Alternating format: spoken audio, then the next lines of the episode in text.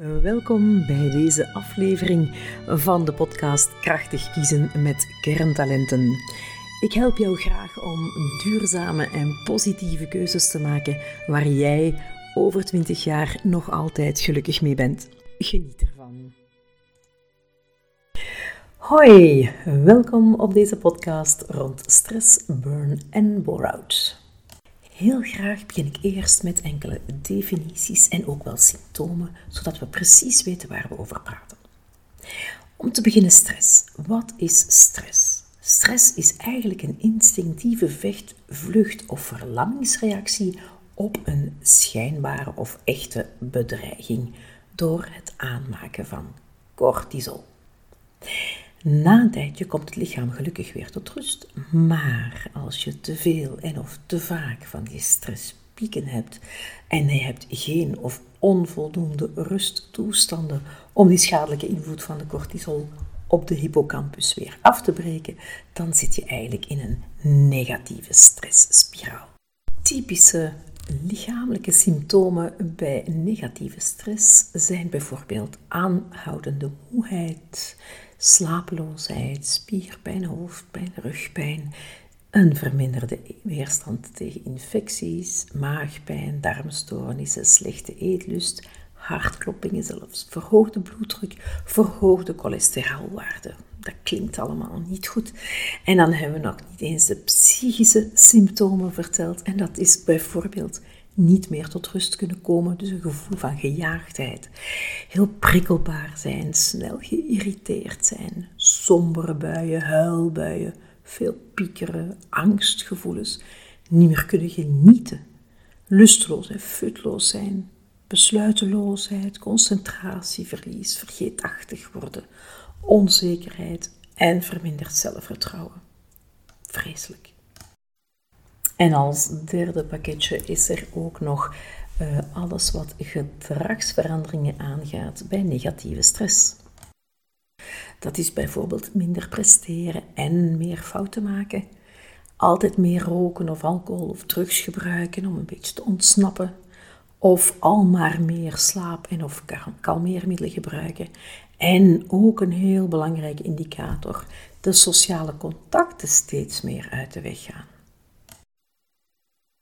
Toch moeten we een beetje voorzichtig zijn met stress, want iedereen heeft wel een flinke portie positieve stress nodig. Dat helpt jou om alert te zijn en om dingen gedaan te krijgen en om uh, de hand aan de ploeg te zetten om effectief dingen te ondernemen. Maar het is duidelijk dat als het te lang duurt, dat het te veel wordt, dat het negatief wordt, dat we een probleem kunnen hebben. Wat is nu eigenlijk burn-out? Wel, burn-out is eigenlijk een overbelasting, om niet te zeggen een helemaal finaal doorgeslagen overbelasting, door te veel en of te vaak negatieve stress te hebben, waardoor rust alleen niet meer helpt. Een burn-out voelt dus eigenlijk als opgebrand. Is burn-out een ziekte, net zoals een depressie? Hmm. Het is blijkbaar wel een voorstadium van een echte depressie.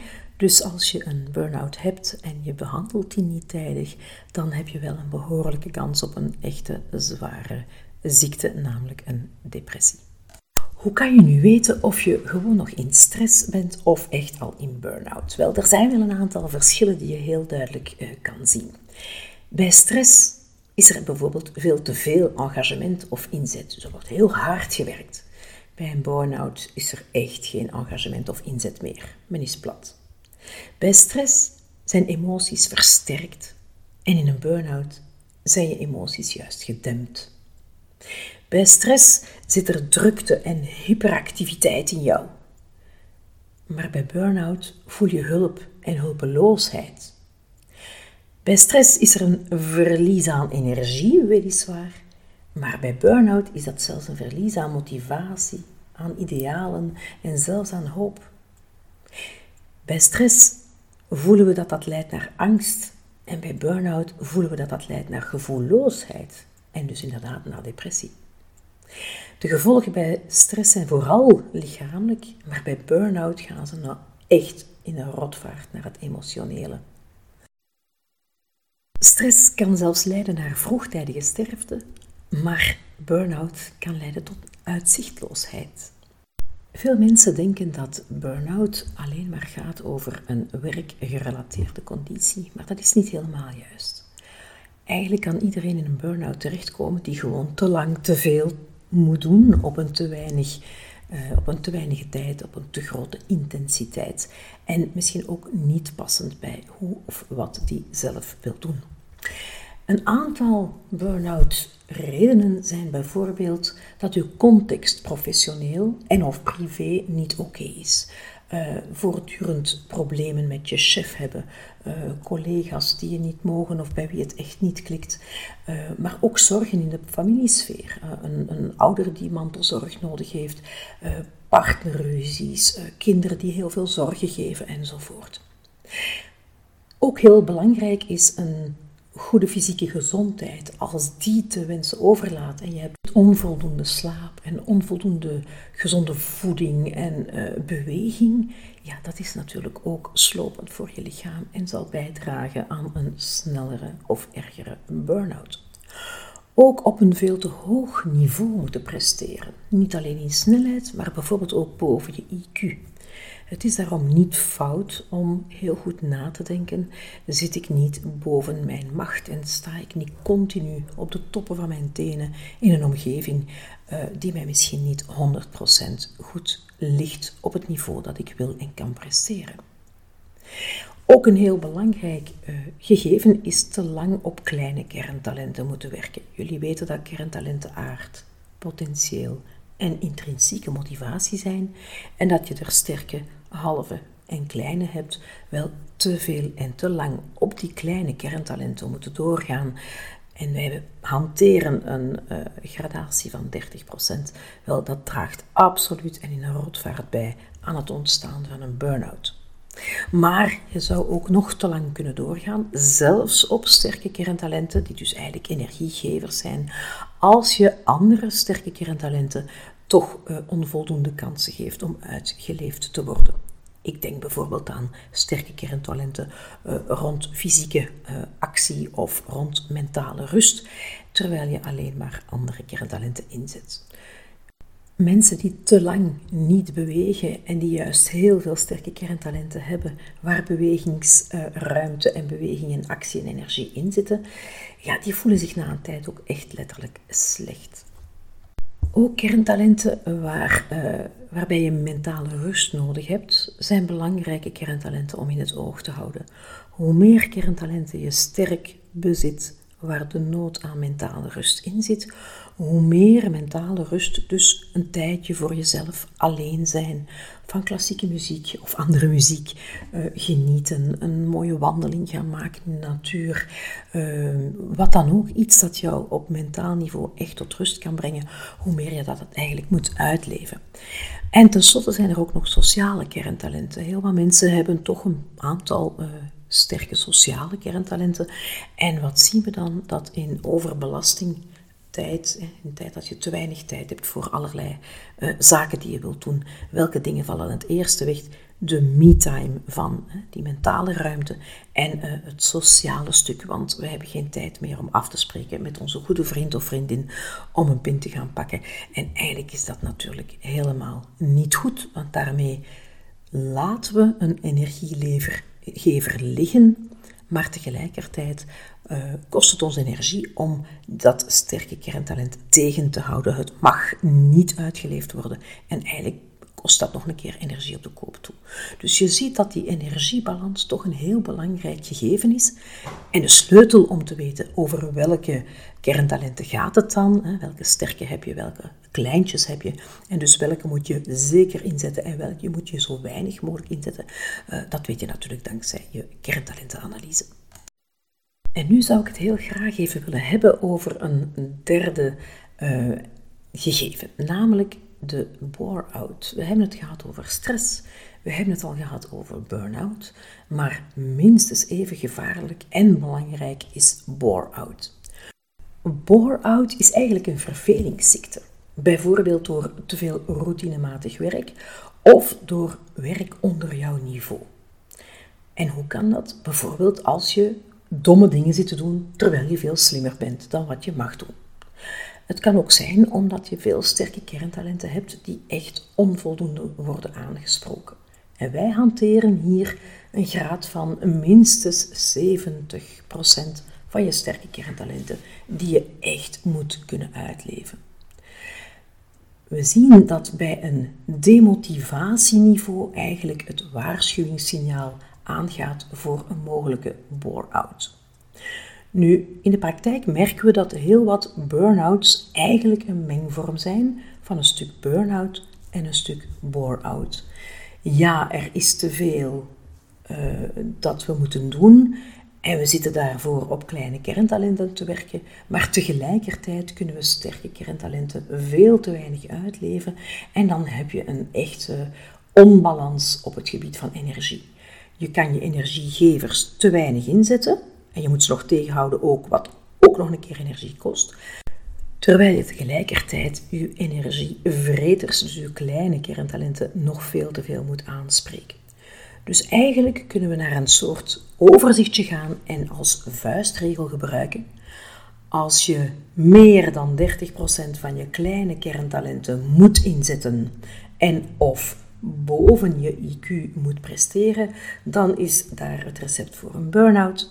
En als je minder dan 70% van jouw sterke kerntalenten mag uitleven en je moet ook nog en of je moet ook nog een keertje onder je IQ werken, dan heb je een fantastisch recept voor een bore-out. En natuurlijk alle mengvormen. Er is een fantastisch mooi boek geschreven over bore-out door Frauke Vermeulen.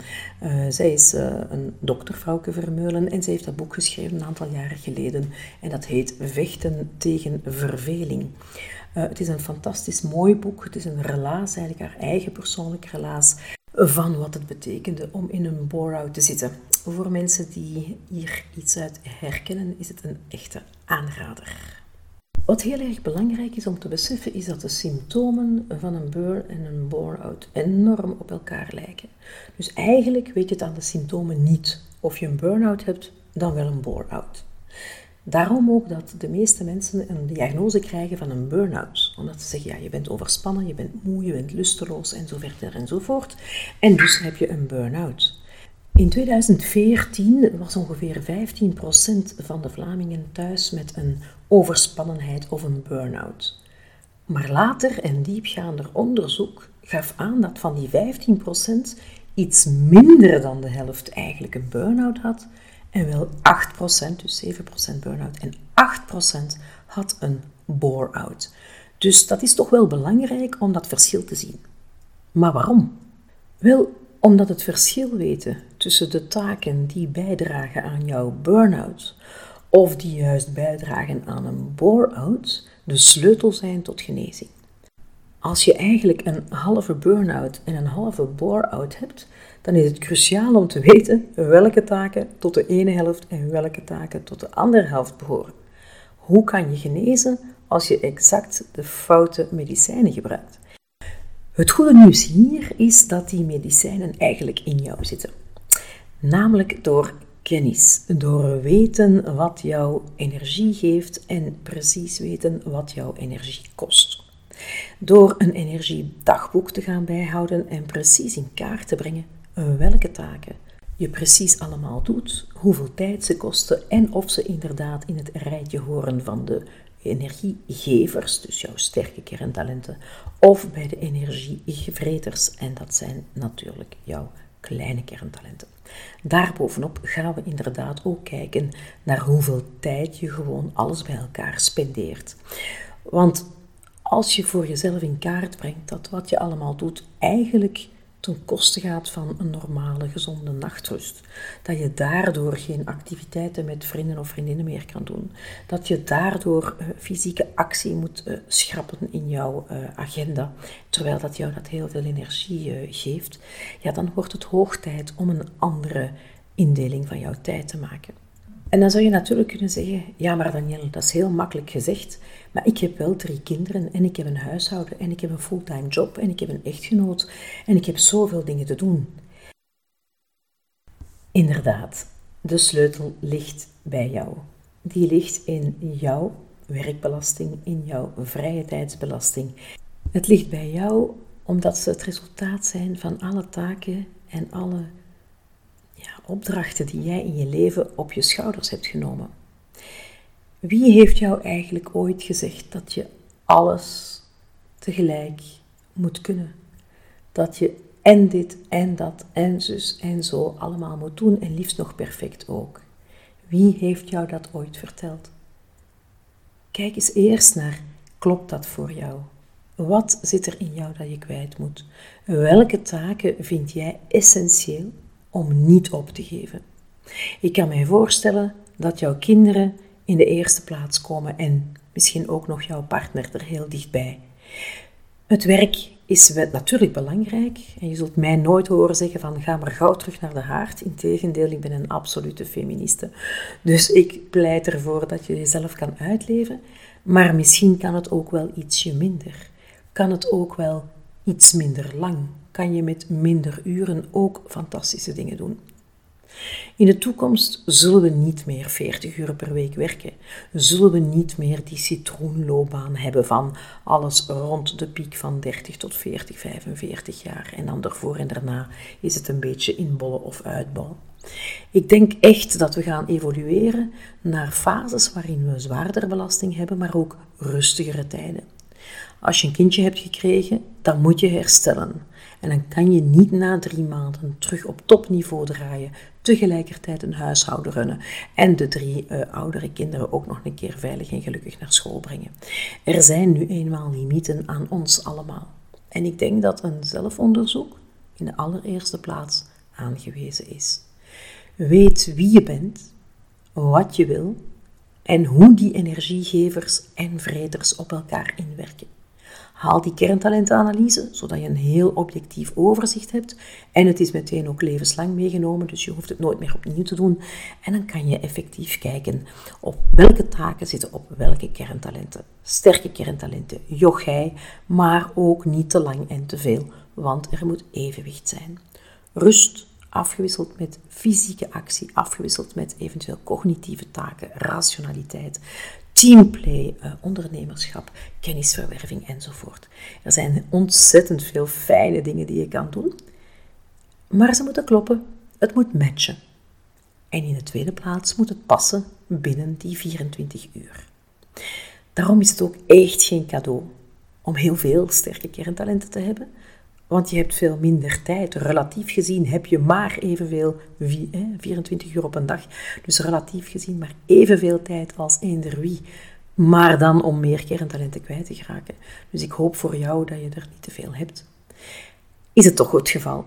Zoek een evenwicht, probeer dat in te puzzelen en ga er eens voor zitten. Maak dat plan. Maak een schema met 24 uur per dag, 7 dagen op 7 en kijk een keertje naar welke taken wanneer je zou kunnen doen, waarbij je ook zorgt voor de inbouw van sociale contacten en mentale ruimte voor jezelf en fysieke actie en andere leuke dingen, maar alleen als ze inderdaad geënt zijn op sterke kerntalenten.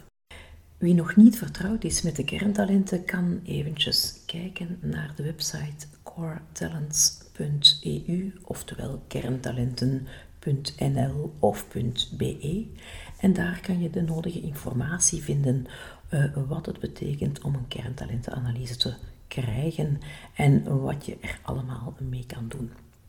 In elk geval is het een belangrijk gegeven als sleutel tot de oplossing voor jouw energie-evenwicht. Niet alleen bij stress, burn en bore-out, maar bij zowat alle zaken die je in je leven tegenkomt. Rest me nu alleen nog om jou een heel fijn verder leven te wensen, zonder negatieve stress en uiteraard ook zonder een burn of bore-out. Heel veel plezier met alles wat je doet. Tot ziens!